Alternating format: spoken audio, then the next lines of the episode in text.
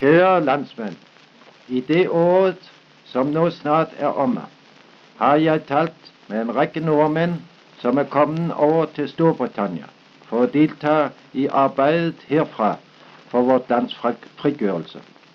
Og det har alle bekræftet, at intet har kunnet knække det norske folks håb, tro og tillid. Hjemmefronten har skabt sig selv og har fulgt den linje, som regeringen trak op den 9. april 1940, og som den derved har givet sin tilslutning.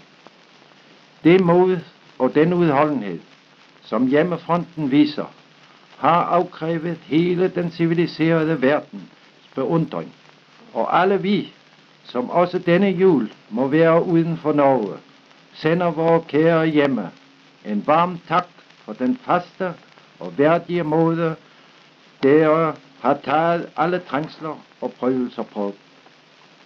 Vintersolvær og juletid falder sammen. En af de mange glæder, julen altid har bragt os, var af vidstheden om, at vi gik lysere tider i møde. Og det må vi alle få lov til at tro, at vi gør i dobbelt betydning i år.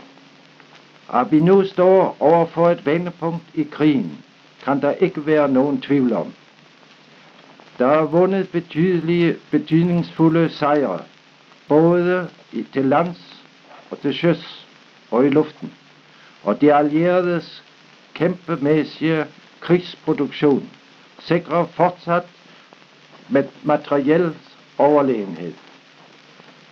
De allierede nationer, som vil befri verden for tyranni og barbari og sikre ret og retfærdighed, er også ivrig optaget med alle de mange vanskelige genrejsningsspørgsmål.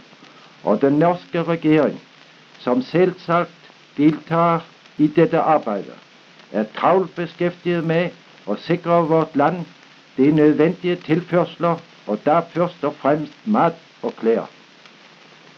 Vi har alle, derhjemme og vi herude, grund til at se med større optimisme på fremtiden til året, som kommer.